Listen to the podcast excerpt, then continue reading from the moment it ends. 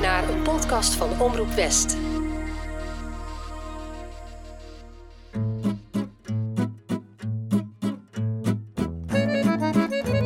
Bonjour, mijn naam is Tess en leuk dat je luistert naar het tweede seizoen van Enchanté, de chanson podcast. Dit is aflevering 5. Égalité, fraternité.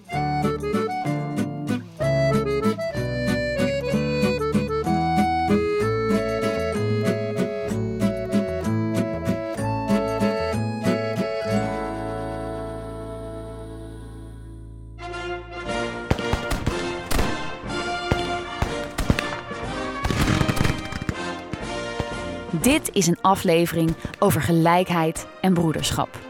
Maar ook over chansons tegen racisme. Racisme op basis van nationaliteit, huidskleur, afkomst of zogenaamd ras. Dus wederom, het kan soms ongemakkelijk worden. Pijnlijk, verdrietig zelfs. Maar ook en juist die verhalen moeten worden verteld. Bovenal viert deze aflevering de artiesten die hun muziek gebruikten om ons een spiegel voor te houden. En hun stem lieten horen om op te roepen tot acceptatie, tolerantie en gelijkheid. Hun dappere, mooie verhalen zijn slechts enkele van de vele. Vous êtes prêts? Bien, c'est parti!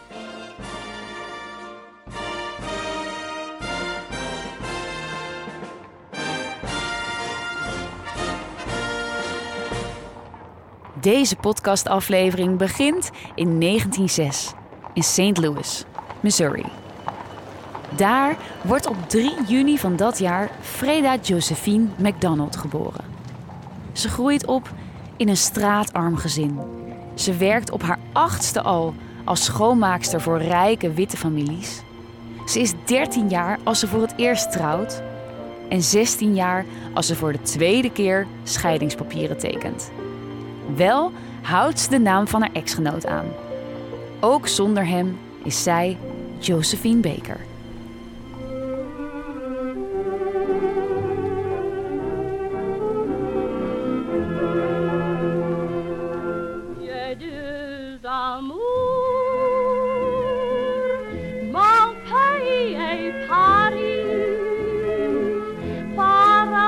Toujours. Josephine is een begenadigd zangeres en danseres en ze stort zich in het artiestenleven. Op die manier komt ze op haar negentiende in Parijs terecht, waar ze allereerst optreedt in het Théâtre des Champs-Élysées.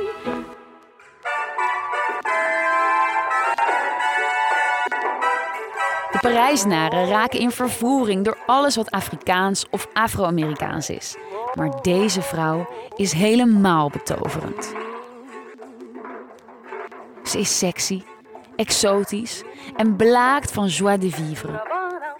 Ze krijgt haar eigen headlinershow in de Folie Bergère, waar ze avond na avond spraakmakende optredens geeft in een bananenrokje terwijl ze de Charleston danst. This is Josephine Baker on the stage of the Folie Bergère at a moment of music hall history. Josephine bloeit op in Parijs. Ze voelt zich gezien en gewaardeerd. Ze lijkt het stempel dat op haar gedrukt is als exotische zwarte superster helemaal te omarmen. Maar ze weet ook donders goed dat racisme nog altijd op de loer ligt. Dat de wereld nog altijd overloopt van ongelijkheid en dat veel witte mensen zich nog steeds boven haar verheven voelen. In 1932 zingt ze het nummer Si j'étais blanche, oftewel Als ik wit zou zijn.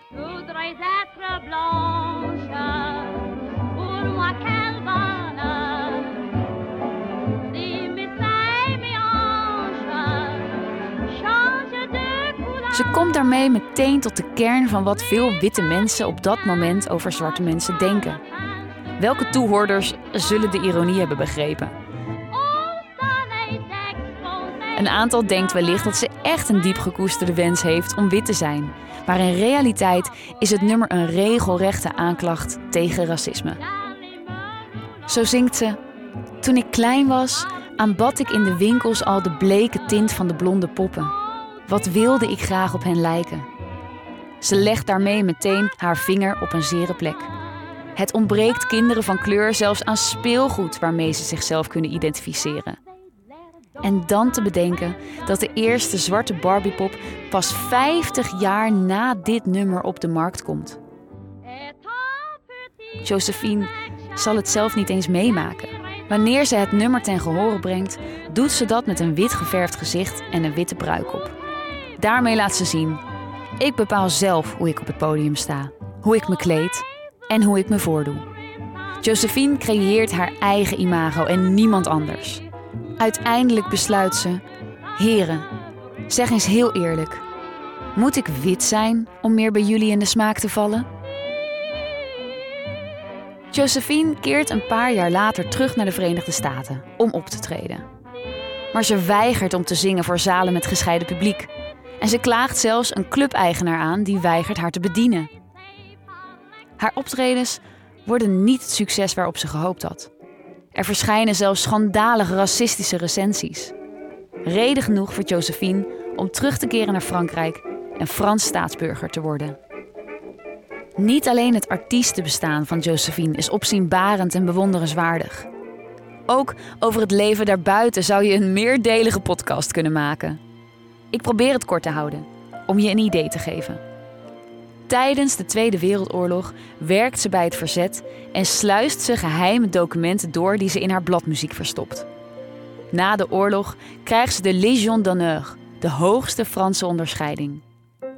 Ze adopteert twaalf kinderen van over de hele wereld en noemt hen haar regenboogkinderen. Zij zijn het voorbeeld van broederschap en gelijkheid. En het bewijs dat we als mensen kunnen samenleven, ook al zien we er niet allemaal hetzelfde uit.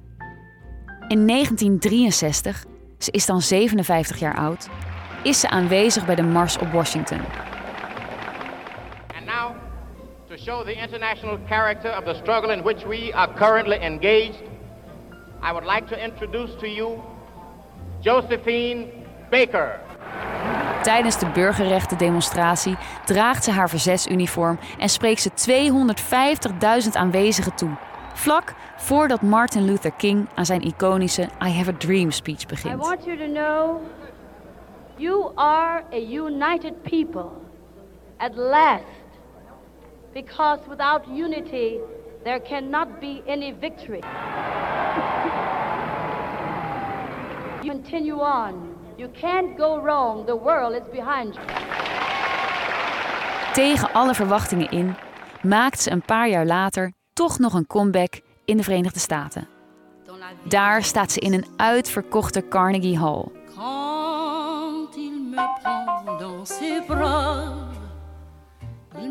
Josephine Baker overlijdt op 68-jarige leeftijd. Na een tumultueus maar indrukwekkend leven.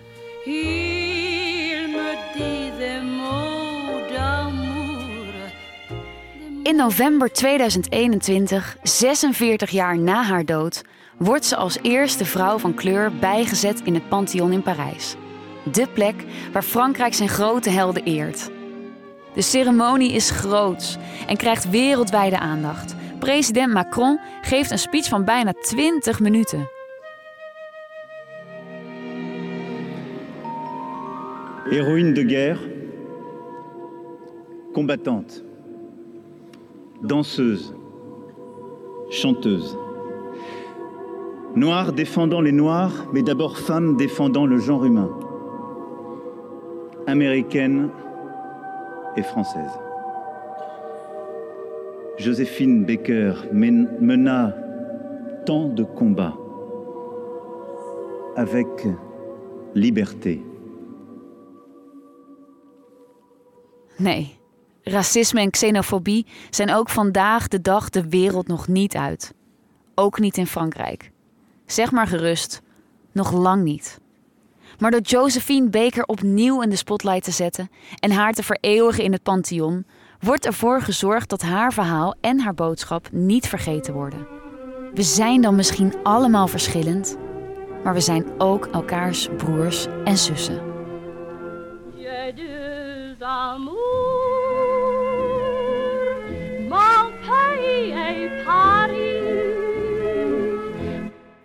Het verhaal van Josephine Baker doet bijna vermoeden dat alle buitenlanders in het Frankrijk van de vorige eeuw met open armen werden ontvangen. Amerikaanse artiesten en kunstenaars kregen inderdaad al snel een soort sterrenstatus in Parijs. Maar dat gold niet voor iedereen.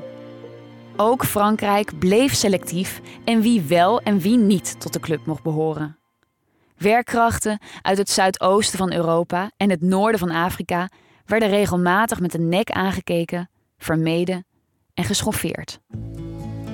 Daarover kan Georges Moustaki meepraten. Hij wordt geboren in Egypte als Youssef Moustaki. De zoon van twee Joodse ouders die oorspronkelijk van het eiland Corfu komen, in Griekenland. In Alexandrië hebben ze een boekwinkel geopend in een multiculturele wijk waar de hele dag allerlei talen door elkaar heen klinken. Arabisch, Grieks, Italiaans, Hebreeuws en af en toe ook Frans. De jonge Youssef gaat dan ook naar het Franse Lyceum en droomt daar over Parijs, waar hij op zijn zeventiende naartoe verhuist. Pour une longue dame brune, j'ai inventé une chanson au clair de la lune. Quelques couplets. Parijs is de stad van de belofte en de kunst. En Youssef wil tekstschrijver worden. Geïnspireerd door Georges Brassens verandert hij zijn voornaam van Youssef in Georges. Maar in tegenstelling tot Josephine Baker kan deze Georges Moustaki niet aarden in Parijs. Hij voelt dat hij met vijandige ogen bekeken wordt. Als een vriendinnetje hem voorstelt aan haar ouders, halen ze hun neus voor hem op. Alsof de vernedering niet genoeg is, noemen ze hem ook nog eens een metek. Oei, wat is een metek? Un métèque Bah, c'est pas une personne très très bien. Un métèque Eh, c'est le juif errant, hein Euh, un genre de paria, quoi. On vous a quelquefois traité de métèque Oui. In het oude Griekenland werd met dit woord een buitenlander bedoeld, die steeds van huis verandert en die zich in een stad vestigt zonder enige burgerrechten te hebben. In de Franse taal wordt het woord métèque vanaf de 19e eeuw een belediging. Extreemrechtse stromingen halen het woord uit de kast om er vreemdelingen in het algemeen mee aan te duiden.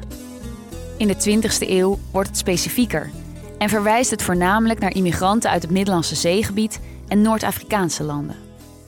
En nu wordt Georges dus zo genoemd door de ouders van zijn liefje. Hoe vernederend en pijnlijk het ook is, Georges besluit dat hij er een lied over zal maken. Met mijn kop van een metek,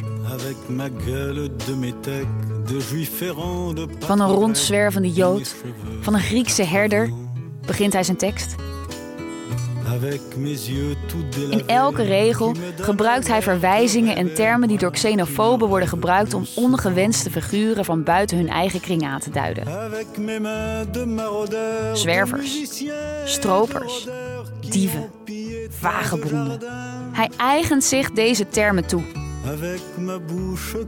Dit is wie hij is.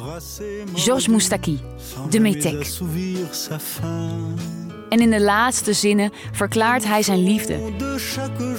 Hij die vent met dat vreemdelingensmoel. Zeg jij maar wie ik voor jou ben.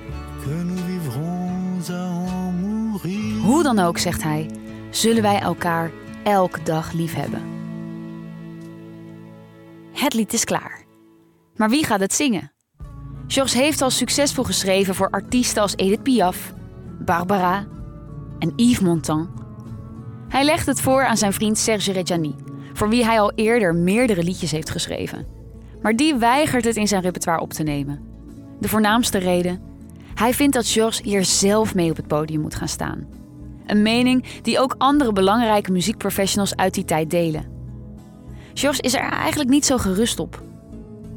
Hij is een tekstschrijver, geen, geen zanger, geen performer. En bovendien, elke poging die hij heeft ondernomen om zijn eigen liedjes op een podium te zingen, ja, die liepen uit op een fiasco. Toch neemt hij het op. En Le wordt door iedereen omarmd. Zes weken lang staat het op nummer 1 in de Franse hitlijsten. Het nummer gaat zelfs internationaal. En het maakt van Georges Moustaki in één klap een ster. Met zijn 35 jaar wordt hij een boegbeeld en vertegenwoordiger van de jeugd die oproept tot meer tolerantie en naaste liefde. Maar ook ontdoet hij eigenhandig het woord metek van zijn negatieve inhoud. Voortaan denkt iedereen bij het horen van Le Metek allereerst aan dit geweldige lied van Georges Moustaki. Mesdames et messieurs, je vous présente la chanson préférée de l'écrivaine néerlandaise Yvonne Keuls.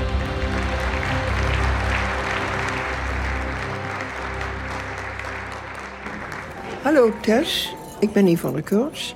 En uh, ik moest mijn favoriete chanson uh, binnenbrengen.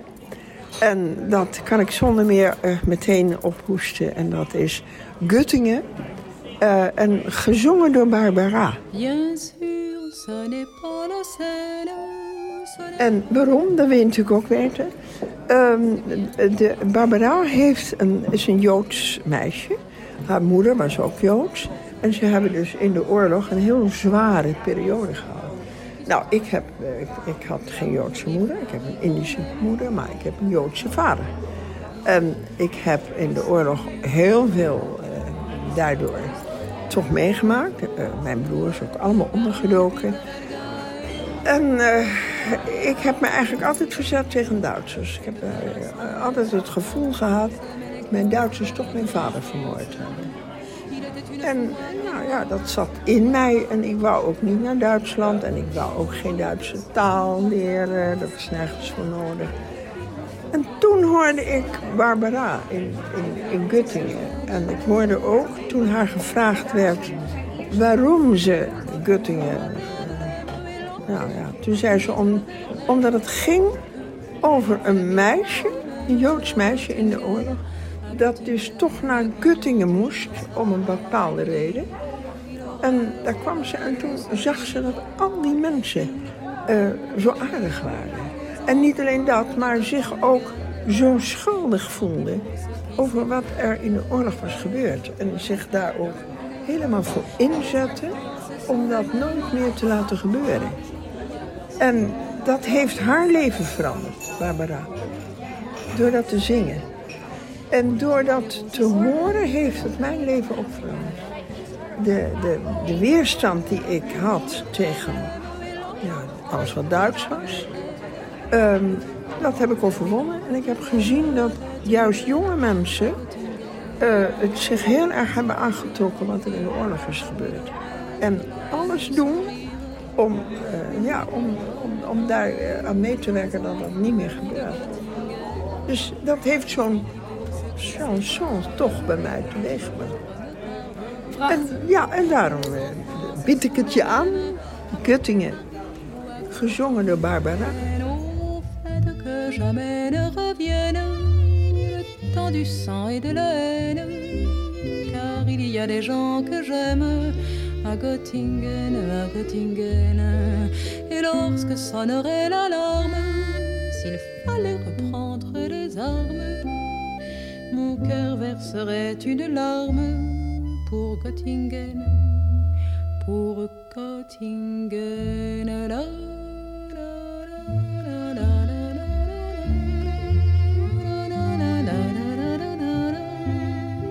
c'est bien joli tout de même, à Göttingen, à Göttingen. Et lorsque sonnerait l'alarme, s'il fallait reprendre les armes, mon cœur verserait une larme pour Göttingen, pour Göttingen. Je luistert naar Chanson Podcast Enchanté. En dit is aflevering 5. Égalité, fraternité. Een andere zanger die in Nederland een stuk minder bekend is, maar die zich net als Georges Moustaki heeft laten inspireren en aanmoedigen door Georges Brassens, is Pierre Perret. Pierre is niet zomaar een liedjeschrijver. Zijn teksten zijn regelrechte satires. Neem bijvoorbeeld Les Jolies Colonies de Vacances. Over de zomerkampen waar in de jaren 60 miljoenen stadskinderen naartoe werden gestuurd. Onder het mom van lekker buiten zijn en nieuwe vrienden maken. Maar die voor heel veel kinderen een ware hel waren. Je vous écris une petite bafouille pour pas que vous vous fassiez de mourant. Of Le Zizi. Over de reacties die de introductie van sekseducatie op Franse scholen met zich meebracht. Afin de nous ôter nos complexes au gay au gay, on nous donne des cours sur le sexe au gay au gay. Alle liedjes hebben iets clownesks. Maar er zit altijd een kritische noot in die discussies uitlokt en luisteraars op een laagdrempelige manier aan het denken zet. In 1972 is Pierre in New York. Daar is hij getuige van de toespraak tegen racisme en onverdraagzaamheid van Angela Davis in Madison Square Garden. the victory we are celebrating is not my victory. And we aren't simply celebrating the fact that I am now free to walk the streets and struggle with you. Haar woorden maken zo'n indruk op hem dat hij bij thuiskomst in Frankrijk begint aan een protestsong tegen racisme. On la trouvait plutôt jolie, Lily. Elle arrivait des Somalie, Lily. En dat is op dat moment nodig. In de vroege jaren 70 zorgt een economische crisis voor een nieuwe golf van vreemdelingenhaat. C'était il y a 50 ans la naissance du Front National. In 1972 wordt ook nog eens de Frans-nationalistische partij Front National opgericht, dat zich fel opstelt tegen met name non-Europese immigranten. Il y du pays vis-à-vis de l'immigration sauvage en particulier. Pierre heeft sterk het gevoel dat zijn satire misschien als een spiegel kan werken. Hij wil niemand afvallen, beledigen of de les lezen. Hij wil enkel dat mensen gaan nadenken over hun opvattingen en meningen en waar die op gebaseerd zijn. Na drie jaar schrijven is het chanson eindelijk af. Lily vertelt het verhaal van een zwarte Somalische vrouw die het dictatoriale regime in haar land ontvlucht. En daarmee met pijn in haar hart ook haar thuis verlaat. Lily. Lily denkt dat iedereen gelijk is in het land van Voltaire en Victor Hugo. Maar zij krijgt alleen de vuile baantjes. En als ze valt voor een knappe blonde man, wil zijn familie niets van haar weten. Ze vertrekt uiteindelijk naar de vrije, democratische Verenigde Staten. Ce grand pays démocratique, Lily. Maar daar komt ze erachter dat de kleur van wanhoop daar ook zwart is. Wanneer Lily Angela Davis hoort spreken, besluit ze ook haar vuist op te heffen. Pierre zingt dat Lily ooit de juiste persoon tegen zal komen. Hoe hun kind de kleur van de liefde zal hebben. En dat niets deze liefde zal kunnen verslaan. Wanneer het nummer uitkomt, stroomt de brievenbus van Pierre vol. En niet alleen met dankwoorden of lieve briefjes met complimenten. Heel wat, voornamelijk anonieme berichten, bevatten beledigingen en zelfs bedreigingen. Men vindt dat hij Frankrijk veel te racistisch afschildert. Het is verbazingwekkend hoe mensen zich door dit lied aangevallen voelen. Niemand durft zijn vingers eraan te branden om Pierre uit te nodigen. Het is zogenaamd ongepast. Puis même le boycott avec les radios au départ que personne voulait passer parce que c'était pas très comestible, c'est tout. Wanneer Pierre gevraagd wordt of hij misschien niet toch wil komen, maar het liedje achterwege wil laten, weigert hij. Je disais oui, mais si je chante Lily. Elle me dit oh non, ah ben alors je viens pas. Hij komt en hij zingt Lily, of hij komt niet. Maar met der tijd wordt het chanson toch een groot succes. Zelfs vandaag de dag hebben heel veel leraren Frans het lied nog in hun lesprogramma zitten. En leren kinderen het uit hun hoofd. Dat is natuurlijk prachtig. Maar enkele jaren geleden zei Pierre in een interview: Als ik eerlijk ben, dan hoop ik dat dit nummer ooit vergeten wordt. Simpelweg omdat het dan gewoon niet meer actueel is. Zou dat niet fantastisch zijn? Dans un bateau plein d'émigrés qui venaient tous de leur plein gré vider les poubelles à Paris. Je luistert naar Chanson Podcast Enchanté. Door met nog meer liedjes in het thema Egalité, Fraternité. De jaren 80 brengen weer nieuwe muziektrends, geluiden en helden met zich mee. En een van deze nieuwe helden is Daniel Balavoine.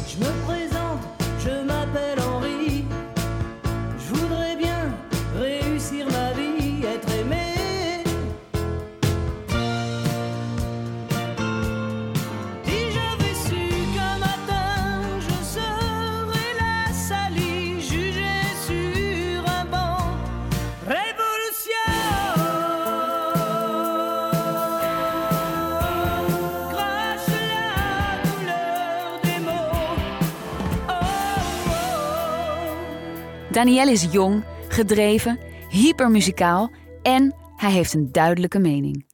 In 1980 durft hij tijdens een nieuwsprogramma op televisie toekomstig president Mitterrand te onderbreken om op vurige wijze jongerenproblematiek in het land aan te kaarten. Permettez. Je voudrais dire que limiter. Alors maintenant, si je peux rien dire avant la fin de l'émission, je parle pas pour vous, monsieur Mitterrand, parce que moi j'avais pris plein de notes en venant dans votre Vous formation. Non, j'aurai pas le temps, je le sais déjà que j'ai pas le temps. J'ai juste le temps de me mettre en colère. parce que- Vanaf dat moment wordt Daniel Balavoine gezien als een van de meest geëngageerde artiesten. En dat uit hij zowel in zijn liedjes als in zijn acties. In 1985 verschijnt het lied Laziza, Arabisch voor een kostbaar, gekoesterd iemand, een schat. In het nummer staat een Marokkaans meisje uit de Kasbah centraal. Het is geschreven uit respect voor alle culturen en alle afkomsten. Danielle roept op om van elkaar te houden. Niet ondanks, maar vanwege elkaars verschillen. Zijn standpunt? We moeten mensen niet laten geloven dat we alle afkomsten zomaar kunnen mixen zonder dat er problemen ontstaan. Maar we moeten wel een manier vinden om kloven te overbruggen. Wat ons zo mooi maakt, zijn onze verschillen. Dus die moeten we laten leven en misschien zelfs cultiveren. Il faut laisser les différences vivre. Je crois même que parfois il faut les cultiver. Il faut respecter la dignité des gens. Et ce qu'il faut arriver à faire, c'est trouver des liens entre ces gens-là et non pas vouloir les faire se ressembler, qui s'intègrent systématiquement à nos sociétés qui sont pas forcément les meilleures en plus.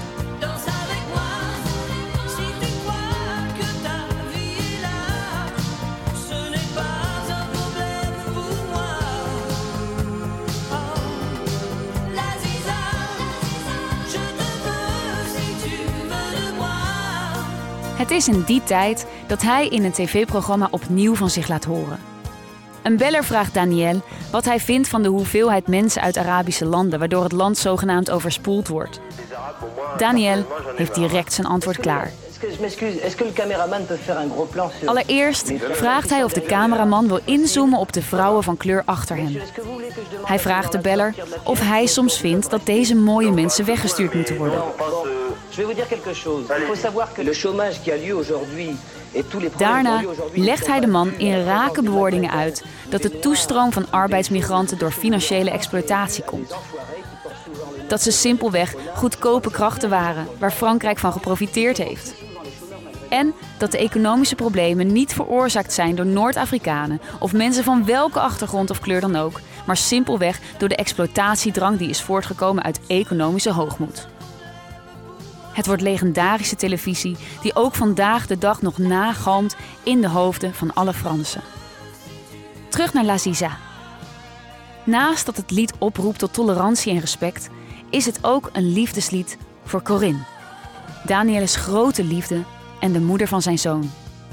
Corinne is zijn Aziza. Ze is van Joods-Marokkaanse afkomst en krijgt voortdurend te maken met racisme. In een interview stelt Danielle zich enorm kwetsbaar op. En hij zegt: Als ik mensen hoor zeggen dat ze van alle immigranten af willen, ben ik zo bang dat mijn vrouw van mij wordt afgenomen.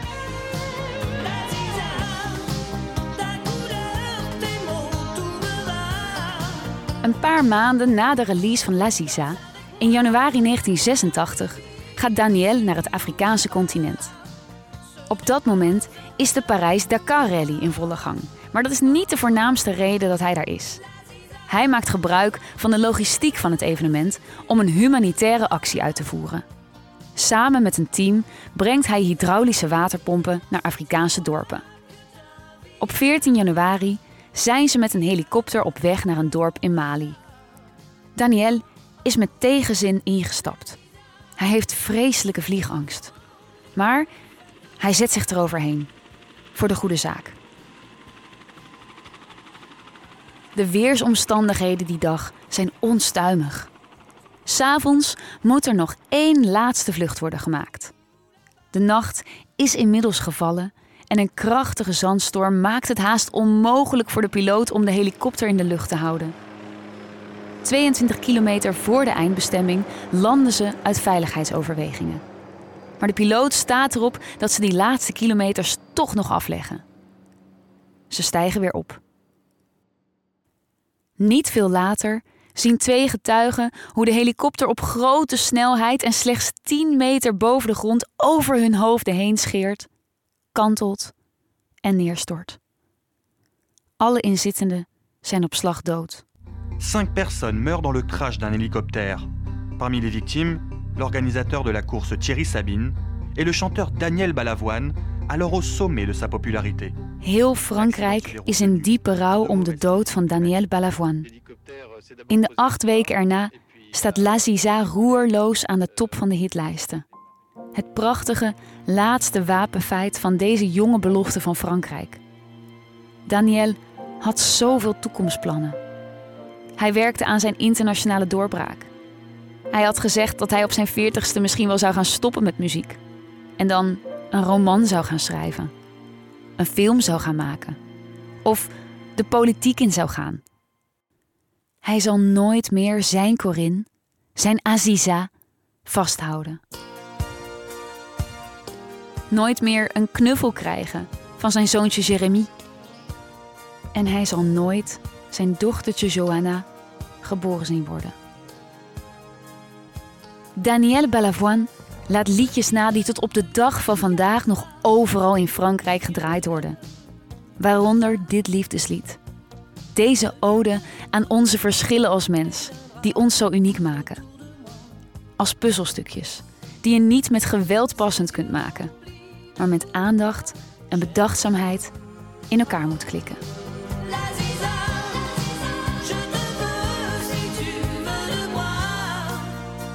Ook vandaag de dag wordt er nog genoeg prachtige en te gekke Franstalige muziek gemaakt. Elke aflevering geef ik nieuwe luistertips binnen het thema. Numero 3. Madame Monsieur, merci. In 2018 stuurde Frankrijk het duo Madame Monsieur naar het Eurovisie Songfestival. Zij komen niet met allerlei toeters en bellen, maar met een hartverscheurend verhaal. Dat van een babytje met de naam Merci, dat op de Middellandse Zee geboren wordt als bootvluchteling. Merci staat symbool voor alle kinderen die moeten vluchten voor verschrikkingen waar velen van ons zich niets bij voor kunnen stellen.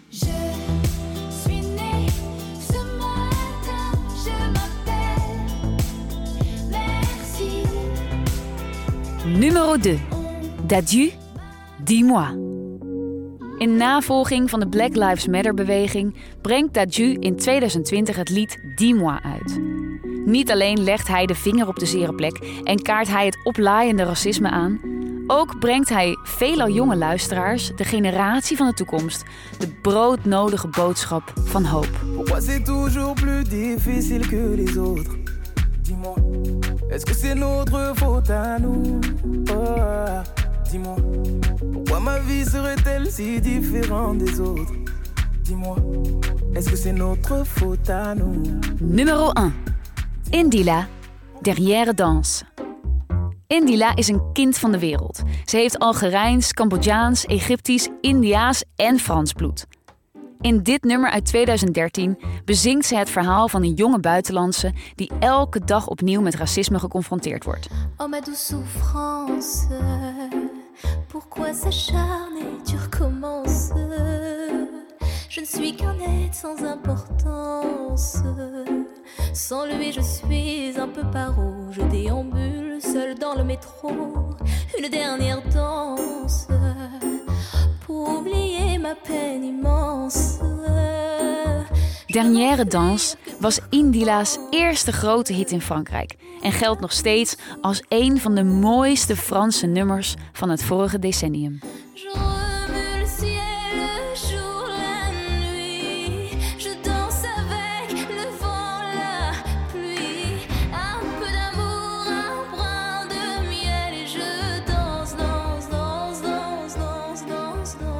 Dit was de vijfde aflevering van Chanson Podcast Enchanté. De volgende aflevering is de laatste van dit seizoen. We sluiten af met onder andere Jean Ferrat, Brigitte Bardot en Charles Aznavour. Chansons vol melancholie, heimwee en diep gewortelde gevoelens van thuiskomen. Heb je vragen, opmerkingen of tips? Stuur ze naar podcastapenstaatjeomroepwest.nl. De intromuziek is geschreven door Leon Siebem en mij met accordeonspel van Lars Visser. Podcastcoördinator Richard Grootbot is het brein achter de edit van deze podcast, inclusief alle geluidseffecten.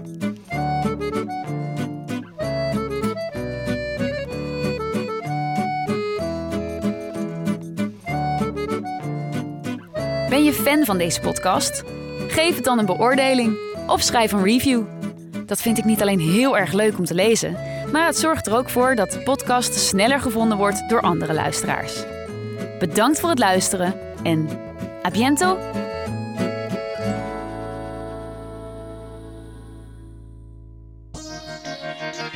Dit was een podcast van Omroep West.